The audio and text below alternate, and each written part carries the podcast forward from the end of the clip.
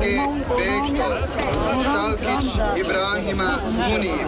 De vroegere Servische generaal Mladic wordt nog deze maand uitgeleverd aan het Joegoslavië-tribunaal. Hoofdaanklager Del Ponte zegt dat ze die garantie heeft gekregen van de Servische regering. Mladic is een van de hoofdverdachten van het bloedbad in Srebrenica in 1995. We uh, have to continue to press uh, the authorities for uh, the arrest of these two uh, criminals and to transfer them to The Hague. It's quite simple.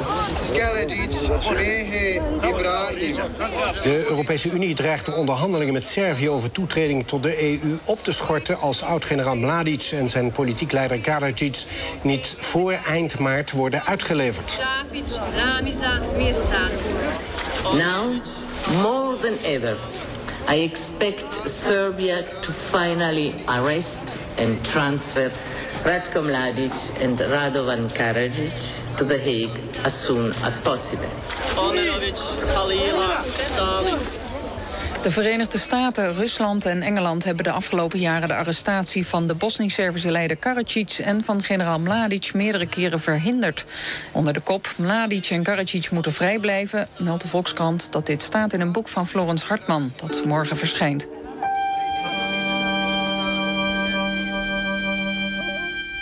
Als laatste hoorde u de aankondiging van het opzienbarende nieuws... waarmee de Volkskrant afgelopen maandag opende. De grote mogendheden willen niet dat Karadzic en Mladic worden gearresteerd... en hebben van alles gedaan om dat te voorkomen. Zo concludeert de Française Florence Artman... in haar deze week verschenen boek. Zij was van 2000 tot 2006 woordvoerder en adviseur van Carla Del Ponte... de hoofdaanklager van het Joegoslavië-tribunaal in Den Haag. In die hoedanigheid maakte Artman de jacht op de Bosnisch-Servische leiders Karadzic en Mladic van dichtbij mee. Door het tribunaal zijn zij beide aangeklaagd wegens oorlogsmisdaden... als hoofdverantwoordelijke voor de massamoord in Srebrenica in juli 1995. In haar boek noemt Hartman een aantal concrete gevallen van obstructie... waardoor de arrestatie niet doorging. De reden, de westerse mogendheden zouden niet willen... dat Karadzic en Mladic in Den Haag moesten getuigen... uit angst voor wat ze kunnen onthullen over de massamoorden in Srebrenica. De bevindingen van Artman komen overeen met de naspeuringen... die Argos de afgelopen jaren deed naar de twee gezochte oorlogsmisdadigers... die na twaalf jaar nog steeds op vrije voeten zijn. Daarom in Argos vandaag opnieuw de jacht op Mladic en Karadzic. Waarom bleef succes uit? En wat hebben de westerse mogendheden te verbergen? Met onder meer een interview met de schrijfster Florence Artman. I'm speaking especially about the US, the UK and France. They have been not only missing few opportunities to arrest Karadzic and Mladic, but they had a coherent politic not to arrest them. They were opposed to their arrest.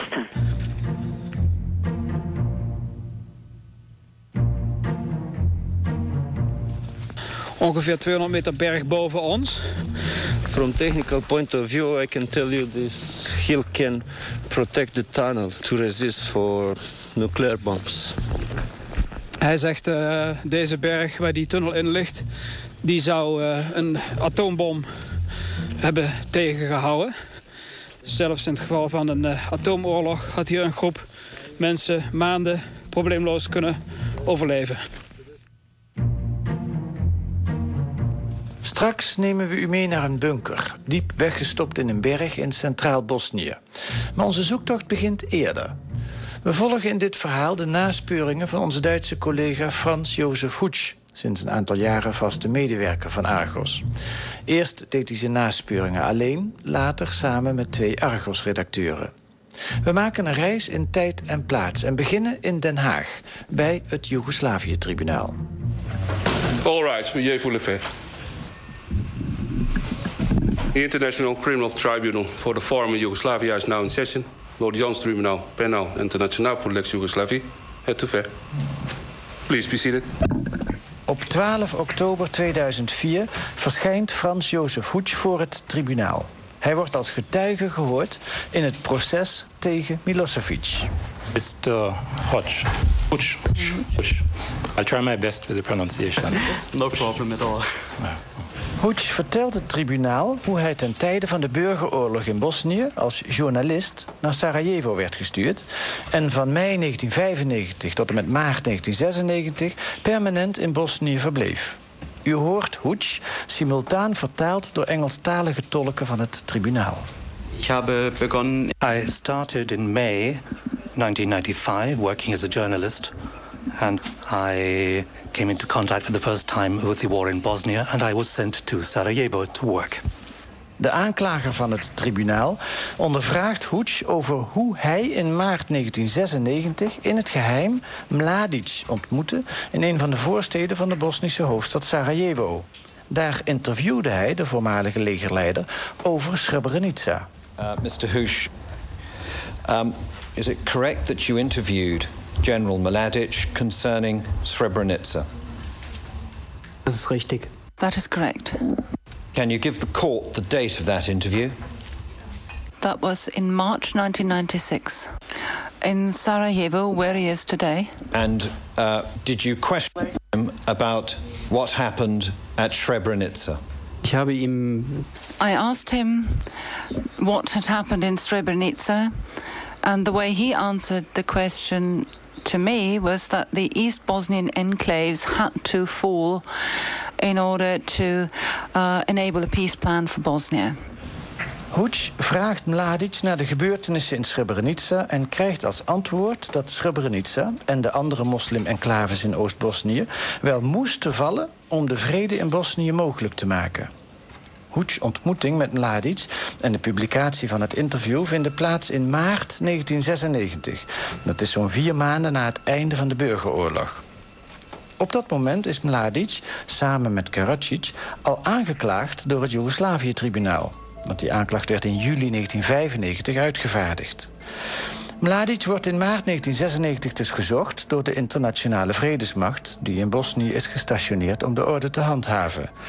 Terwijl die vredesmacht de gezochte oorlogsmisdadiger niet kan vinden... althans, dat is het formele verhaal...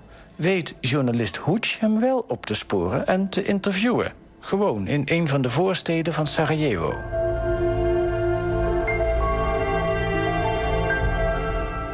Door die gang van zaken in maart 1996 krijgt Frans Jozef Hoetsch voor het eerst de indruk dat de internationale troepenmacht Mladic en Karadzic niet echt wil oppakken.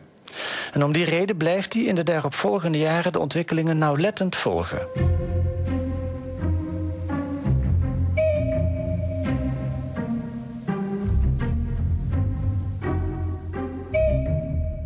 Is alles rustig bij u? Ja, waarom zou dat niet zo zijn? We moeten dat controleren. Want weet u, Foggia en omgeving zijn altijd erg interessant voor ons. Speciaal vandaag.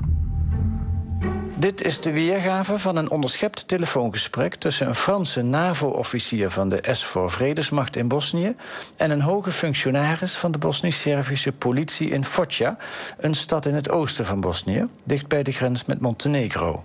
Dit gesprek vindt plaats om 6 uur 26 in de vroege ochtend van donderdag 28 februari 2002.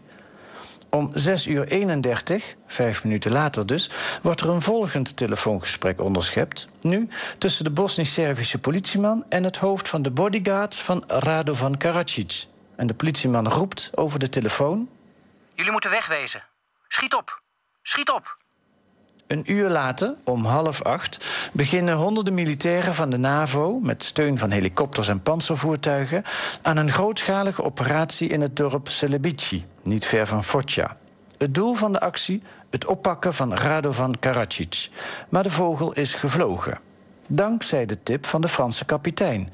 En dat onthult Frans Jozef Hoetsch vier dagen later in het Hamburger Abendblad.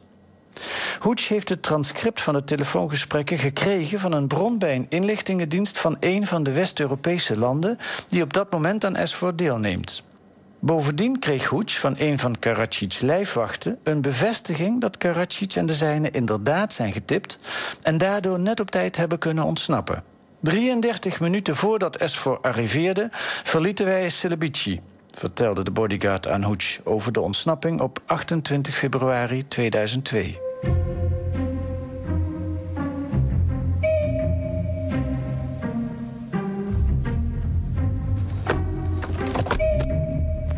Let's go.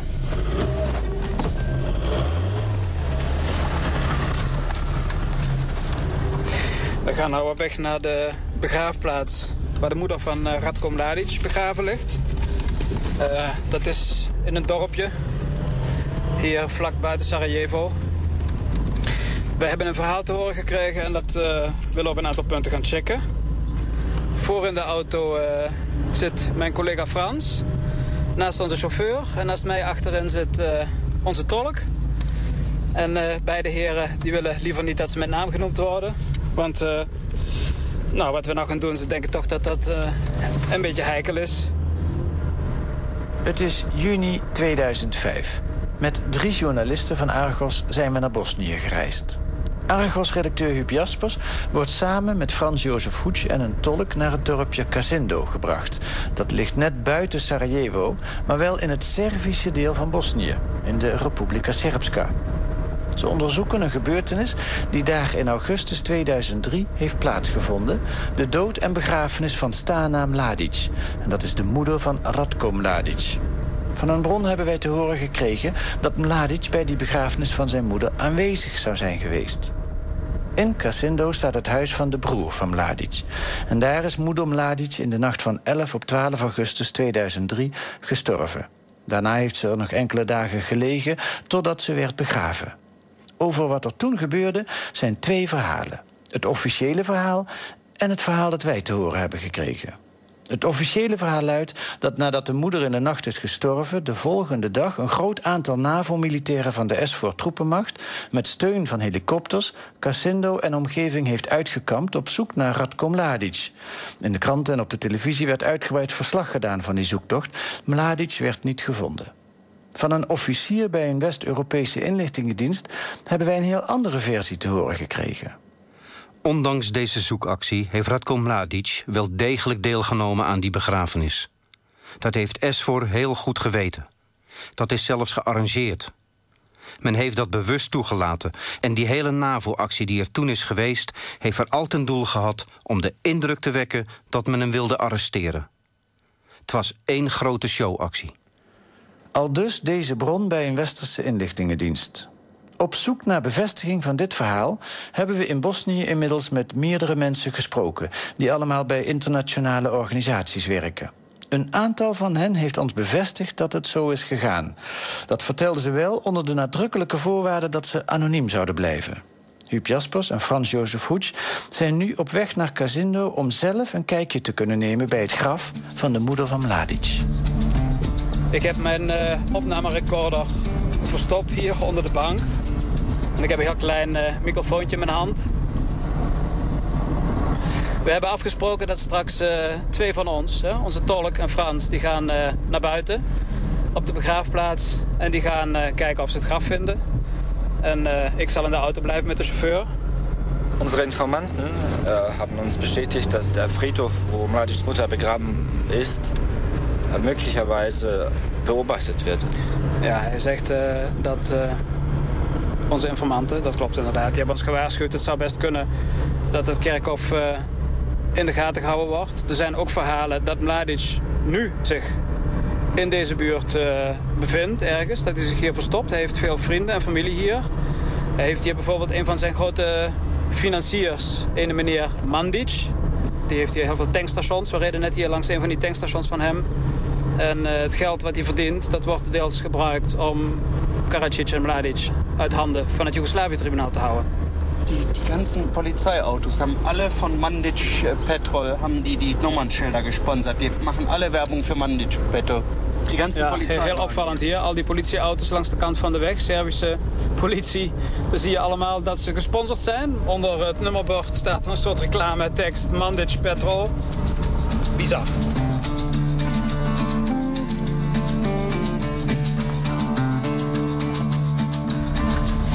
Wij naderen nu uh, het kerkhof. We zijn net uh, van de grote weg afgebogen. Rechts een klein straatje in. Ik zie de begraafplaats nu liggen. Daar staan uh, een paar auto's. Links een kerkje. Oké. Oké, okay.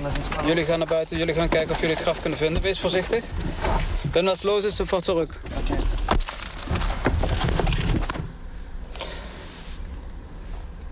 De begraafplaats ligt op een soort plateau, omgeven door uh, bergen.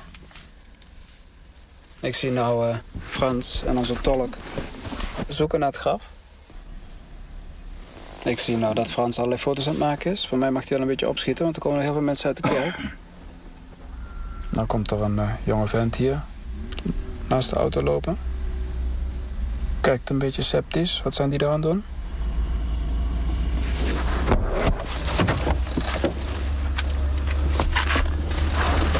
Hebben jullie het gevonden?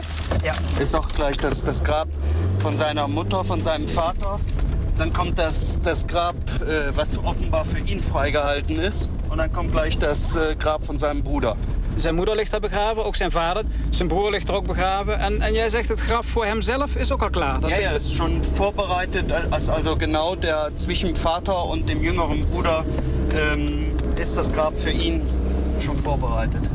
Het graf voor Radko Mladic uh, is al klaar. En uh, nou ja, dat betekent hoe het verder met hem zal gaan, hoe het zal aflopen met hem, dat weten we natuurlijk niet. Zal die ooit in Den Haag worden bereikt? Nou, komen we weer bij het kamp van Eufor hier, Boetmier. Een paar minuten rijden eigenlijk van dat dorpje waar we net geweest zijn. Onvoorstelbaar dat Mladic hier op die begrafenis geweest is van zijn moeder enkele kilometers afstand van uh, de duizenden militairen die hier zitten... en die uh, als een van de taken hebben om uh, hem op te pakken. De bronnen van wie wij de informatie over de aanwezigheid van Mladic... bij de begrafenis van zijn moeder hebben gekregen, zijn zeer betrouwbaar. Daarom gaan we op bezoek in het militaire kamp Boetmir bij Sarajevo... waar EUFOR is gelegerd. EUFOR heeft SFOR opgevolgd als internationale vredesmacht in Bosnië. We willen een reactie op dit opmerkelijke verhaal van de commandant van EUFOR, de Britse generaal Leakey. My name is General Leakey. I consider it very much part of my mission to try and bring Mladic and Karadzic to justice in The Hague. Ik beschouw het als een belangrijk onderdeel van mijn taak om Mladic en Karadzic voor het Joegoslavië-tribunaal te brengen in Den Haag. Twee serieuze bronnen hebben ons verteld dat Mladic in augustus 2003 aanwezig was bij de begrafenis van zijn moeder. Hier net buiten Sarajevo in Casindo. In 2003, I can't remember where I was, but I wasn't here. I have absolutely no information on that incident at all. Ik kan me even niet herinneren waar ik in 2003 was. In elk geval niet hier in Sarajevo. Ik heb geen enkele informatie over dit incident. Acht u het denkbaar dat Mladic zo dicht in de buurt van Boetmir kon komen... het hoofdkwartier van de internationale troepenmacht dat hij twee of drie kilometer hier vandaan aanwezig was bij de begrafenis van zijn moeder, zonder dat die troepenmacht, toen nog SFOR, dat in de gaten had? I don't know how many police forces in Europe were looking for uh, Carlos, the terrorist, you may remember, very distinctive, many sightings, uh, and even Osama bin Laden, the entire international community looking for him. And uh, so I wouldn't rule anything out. Ik weet niet of u het zich nog herinnert hoeveel politiemensen in Europa in der tijd op zoek waren naar de terrorist Carlos. Hetzelfde geldt voor Osama Bin Laden. De hele internationale gemeenschap is op zoek naar hem... en toch hebben we hem nog niet te pakken kunnen krijgen. Dit wetende zou ik niet willen uitsluiten. We gaan terug naar het Joegoslavië-tribunaal. Naar het verhoor van Frans Jozef Hoetsch als getuige in oktober 2004. Op de eerste dag van zijn verhoor heeft hij het tribunaal verteld... over zijn ontmoeting in maart 1996 met Mladic. Die vond toen plaats in Sarajevo, vertelde Hoetsch. Maar, zo voegde Hoetsch eraan toe, dat is ook de plaats waar Mladic nu, in oktober 2004, verblijft. Daar wil de aanklager van het tribunaal meer van weten. Hij komt er op de tweede dag van het getuigenverhoor van Hoetsch op terug. Suggereert Hoetsch hiermee dat hij weet waar Mladic nu is? You said yesterday that that's where Mladic still is. Uh, I, don't imagine you're suggesting that you know where Mladic is now, are Uh, let's put it like this uh, there are more than rumors on where he is staying, and I think NATO and S4 has detailed information. That is a question I would like to answer in a more intimate atmosphere. Frans Jozef Hoets kan er maar sumier op ingaan. Er zijn gegevens over de huidige verblijfplaats van Mladic die meer zijn dan geruchten, antwoordt hij. En SFOR en NATO zijn daar gedetailleerd van op de hoogte. Hoets, die vaak teruggaat naar Bosnië, beschikt namelijk ook op dat moment, oktober 2004, over betrouwbare bronnen. In de openbaarheid voor het tribunaal kan hij daar niet verder op ingaan, omdat hij zijn bronnen moet beschermen.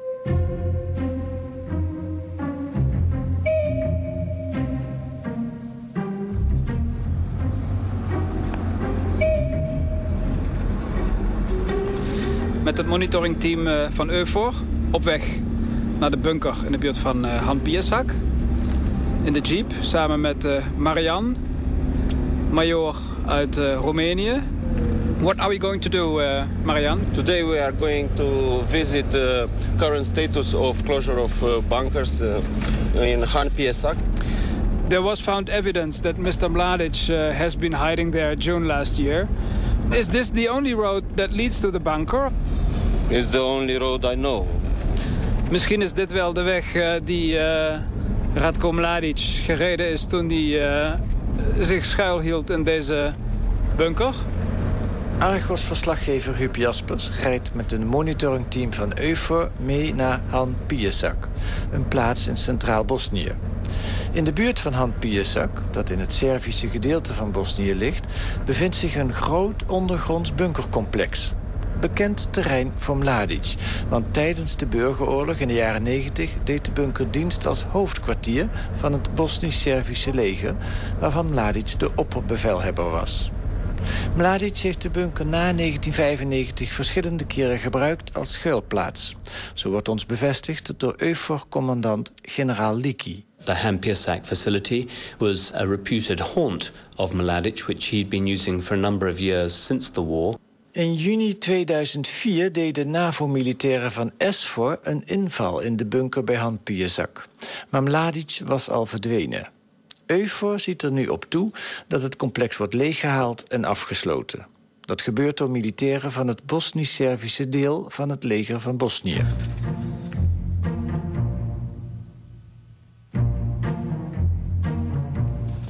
In de bossen buiten het plaatsje Han Piesak is verslaggever Huub Jaspers via een ongeplaveid hobbelig weggetje aangekomen bij het bunkercomplex.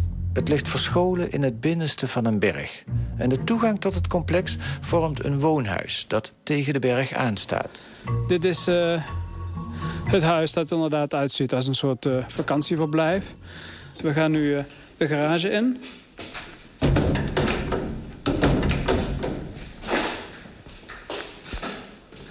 En gelijk aan het eind van de garage een gigantische tunnel. Betonnen tunnel weer met buizen, elektriciteit, verlichting. En uh, de ruimtes in deze bunker die zijn uh, inmiddels uh, helemaal leeggehaald. Hè? Dus bijvoorbeeld de slaapkamers, de bedden die zijn eruit gehaald. Of de badkamer, dat is allemaal niet als zodanig meer te herkennen. Dat is allemaal opgeruimd. My name is Bridget Rose, Lieutenant Colonel Bridget Rose from the headquarters at uh, U4 in Butnia Camp in Sarajevo. Ik ben luitenant-kolonel Bridget Rose van het hoofdkwartier van EUFOR in Butmir bij Sarajevo. Probably um, up to 100 people could live down there. And um, it looked like there was food supplies there for up to six months. Misschien wel 100 mensen konden in dat complex leven.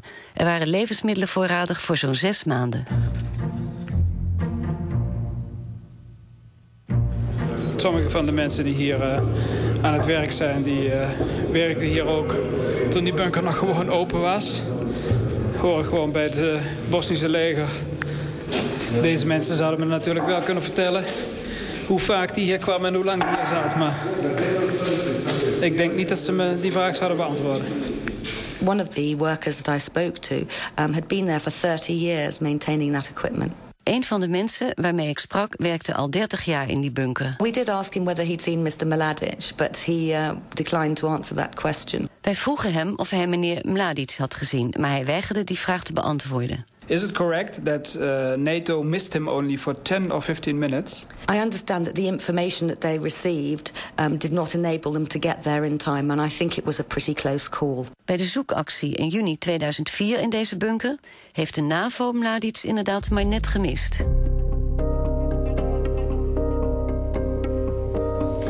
Het tot zover eh, deze reportage van Argos. Na de hoogtepunten van het eh, nieuws zometeen gaat Argos verder... met een eh, interview met de Franse schrijfster... wier boek aanleiding is voor deze uitzending, Florence Artman. U luistert naar de VPRO, naar de ochtenden.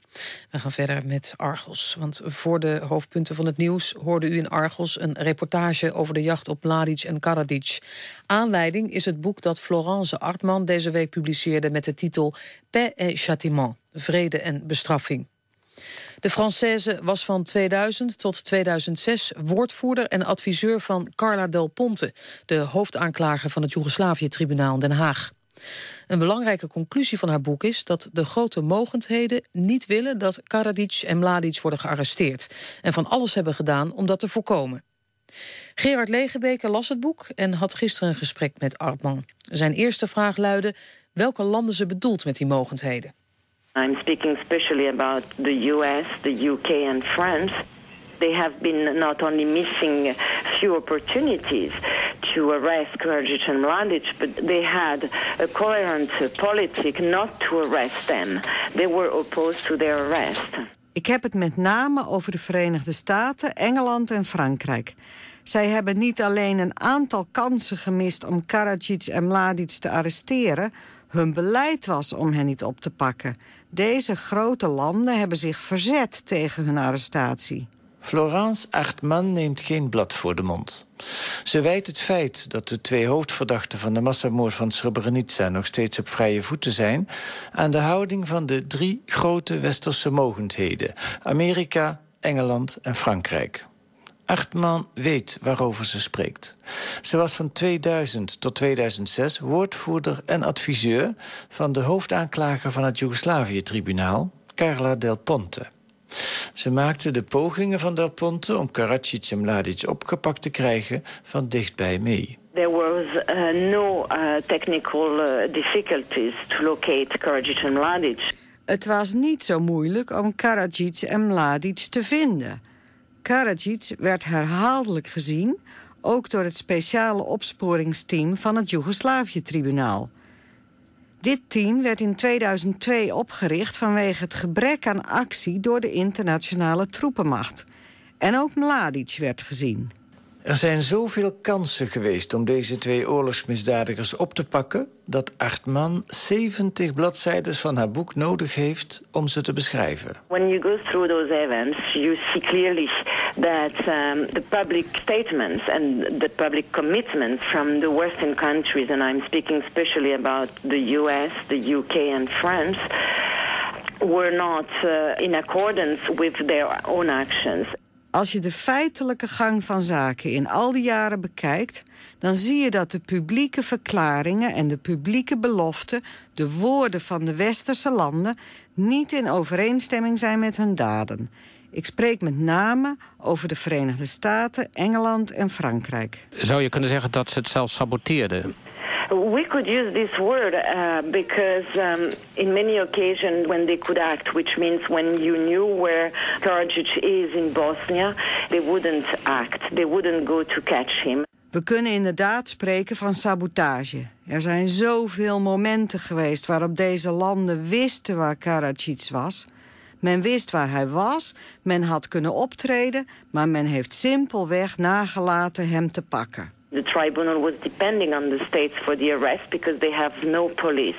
Het tribunaal is voor de arrestatie van Mladic en Karadzic afhankelijk van de grote NAVO-landen... omdat het geen eigen politie heeft.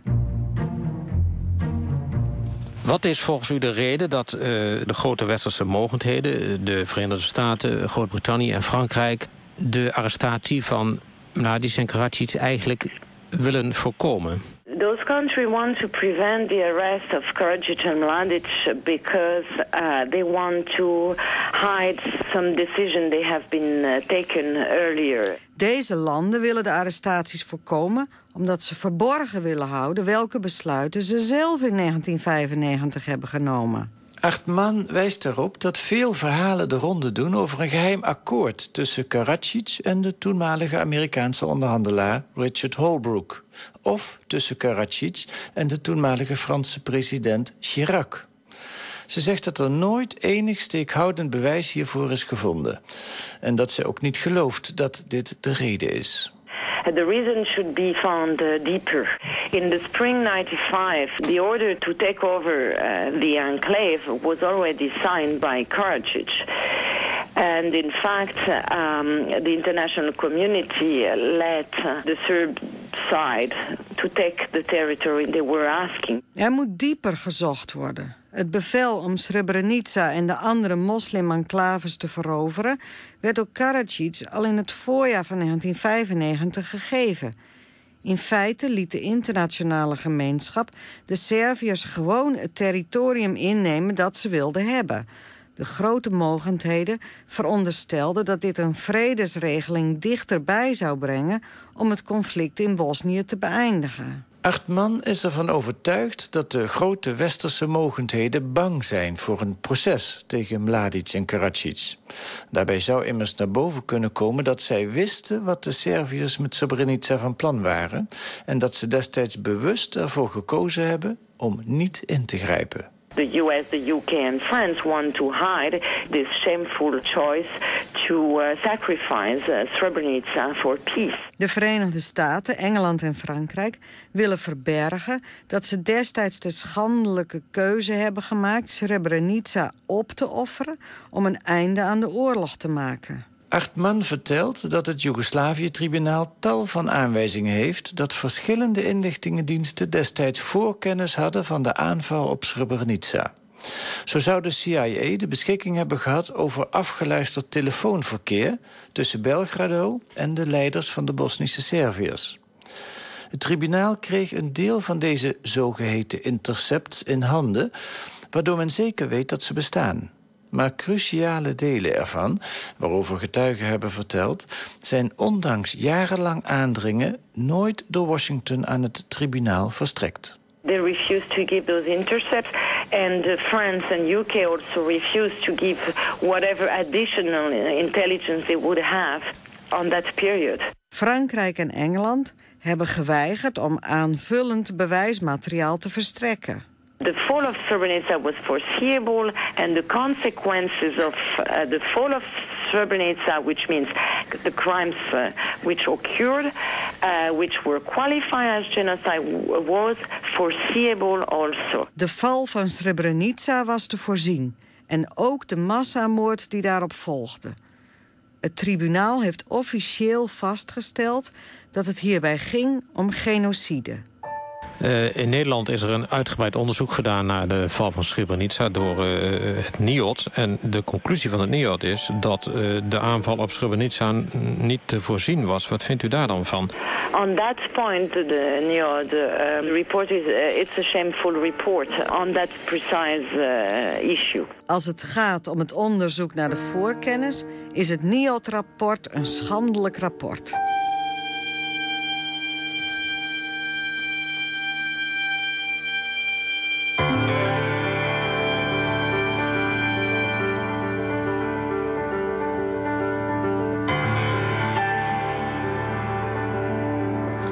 Tot zover het vraaggesprek van Gerard Legenweken met Florence Achtman. De kwestie over de voorkennis die de westerse mogendheden hadden... over de aanval op Srebrenica... kwam eerder al uitgebreid aan de orde in eh, verschillende Argos-uitzendingen. Het laatst in een uitgebreid interview met ex-minister van Defensie Joris Voorhoeven... dat eind december en begin januari werd uitgezonden.